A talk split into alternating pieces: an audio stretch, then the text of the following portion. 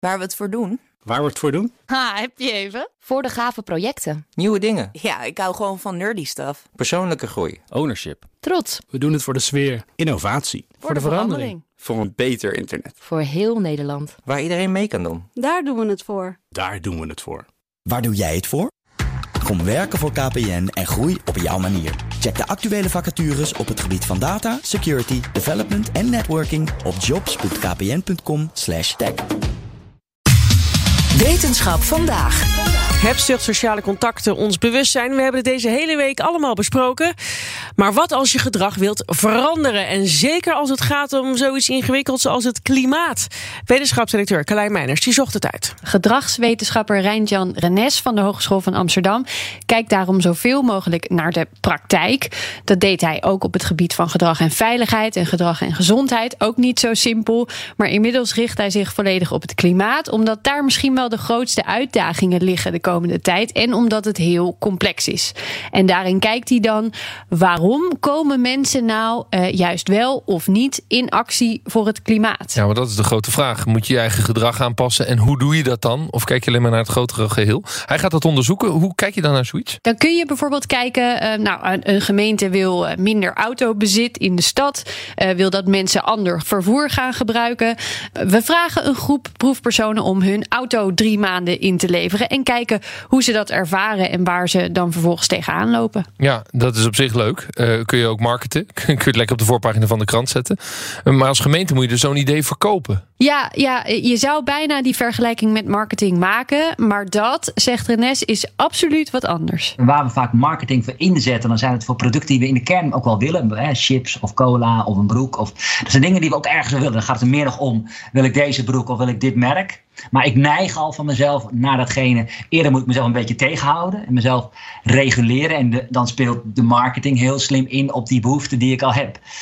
Rondom duurzaamheid zit een heel complex psychologische constitutie. Namelijk dat het gedrag in zichzelf vaak niet hetgene is wat ik nou heel aantrekkelijk vind. Vaak moet ik mezelf tot iets zetten waar ik eigenlijk in de kern, ik zie het voordeel niet meteen. Vaak zijn de voordelen voor anderen ergens in, ver in de toekomst. Ik vind het ook een beetje abstract waar ik het voor doe.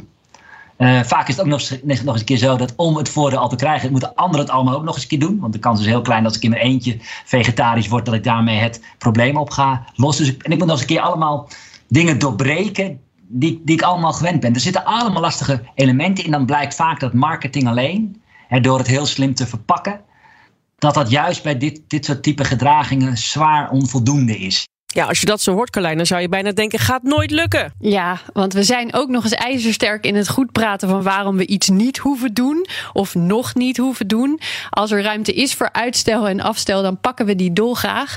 Uh, ik merk zelf ook wel eens dat ik denk: ja, maar dit gesprek, we voeren dit al zo lang. Waarom gaat het zo langzaam? Komt er ooit echt verandering? Maar Renes denkt dat we nu echt op een kantelpunt zitten, eentje die onvermijdelijk is, want de deadlines komen in zicht. Er worden nu echt instrumenten ingezet om veranderingen in bijvoorbeeld uitstoot te veroorzaken. En dan zie je ook nog eens een keer dat als er langzamerhand dan ook maar die stappen aan het zetten zijn, verandert de norm. Dus dan voelt het ook in één keer weer een stuk uh, ongemakkelijker wanneer je dan geen klimaatvriendelijk gedrag vertoont. Uh, wat je al een beetje voelt hè, als je toch gaat vliegen. Ik denk zeker in de soort bubbels waar ik zit, nou, dan moet je echt wel even goed uit gaan leggen. Maar als het dan ook nog eens een keer veel duurder wordt, het wordt steeds zeldzamer dat mensen het doen, dan, je, zie je langzamerhand dat dat soort gedragingen uit gaan slijten. Wat je bij zoiets als roken eigenlijk ook ziet. Hè? Je ziet nu dat, dat roken, ja, je bent echt bijna een uitzondering als je dat doet. Je moet het met wilskracht moet je je nog zetten tot roken. Je moet naar buiten toe, in de regen staan. Iedereen vindt het een beetje sneu. Nou, het is eigenlijk nog wel knap dat je rookt. Nou, vanuit dat gegeven, ja, schat ik wel in dat wij tussen nu en, uh, nou ja, kijk het naar 2030, dat is de eerste milestone. Gaat er zoveel op, op zoveel plekken schuiven dat wij ons gedrag er ook nog steeds makkelijker naar gaan voegen. Maar gaat dat nou echt het verschil maken, ook onder minder bewuste mensen? Want gedrag is nou Niet, juist uh, iets wat ja. gestuurd wordt door het onderbewuste. Ja, niet zonder ook de regelgeving, handhaving en middelen daarvoor aan te passen. Dat is waar. Het is een soort samenspel natuurlijk. Um, uh, Renes noemde capaciteit, opportuniteit uh, en motivatie als drie hele belangrijke. Ontbreekt daar één van, dan gebeurt er eigenlijk niets. Ja, weten de beleidsmakers dat dan inmiddels ook? Volgens Renes niet voldoende. Als je erover doorpraat, snappen de meesten wel dat gedrag uh, ertoe doet. Dat het meer is dan alleen communiceren en motiveren. Maar dan ben je er nog niet. We zijn een praktijkgericht onderzoek, dus we spreken met heel veel beleidsmakers. We werken ook veel samen met vooral de twee ministeries Economische Zaken uh, en met Infrastructuur en Waterstaat. En dan zie je toch dat het besef dat wil je in zo'n groot klimaatvraagstuk ook daadwerkelijk mensen tot ander gedrag krijgen, dat je dan continu die drie elementen goed moet doordenken. Nee, dat besef is onvoldoende aanwezig. Ja, en dan? Uh, dan zou je kunnen afvragen, wordt er ook genoeg actie ondernomen? Hè? Dat is deel 2 een beetje. Uh, hij ziet zeker nog te veel uitstel. En dat is ook voor beleidsmakers zelf uh, niet zo'n beste aanpak. Het is struisvogelpolitiek waarmee het onvermijdelijke alleen maar pijnlijker wordt gemaakt voor iedereen. Nou, en ook burgers misschien nu nog te betrekken daar waar je nu nog keuzes kunt maken. Dat je zegt, nou weet je, we hebben nog verschillende keuzes. En ik zeg, nou laten we eens met elkaar kijken. Het zijn allemaal pijnlijke keuzes, maar laten we nou zien welke het minst pijnlijk is. En straks moeten we gewoon de meest draconische maatregelen nemen, omdat we nog maar heel weinig tijd hebben. En als we dan kijken naar ons eigen klimaatgedrag, Laten we het concreet maken. Heeft hij tips? Jazeker. Hij, voeding vindt hij echt een belangrijke. Eet minder of geen vlees. Heeft een relatief grote impact op CO2-uitstoot. Zit heel erg verweven in je dagelijks leven, in je identiteit. Dus dan ben je er echt bewust mee bezig. Maar wat betreft inkopen mag het van Renes nog een stapje verder gaan. Denk elke keer dat je geld uitgeeft na ja, als je dan toch je geld uitgeeft, waarom zou je het geld uitgeven aan in iemand die totaal niet geïnteresseerd is in klimaat of aan, in de samenleving en alleen maar voor zichzelf kiest? Nou, dat is hetzelfde voor een winkel, hetzelfde voor kleding.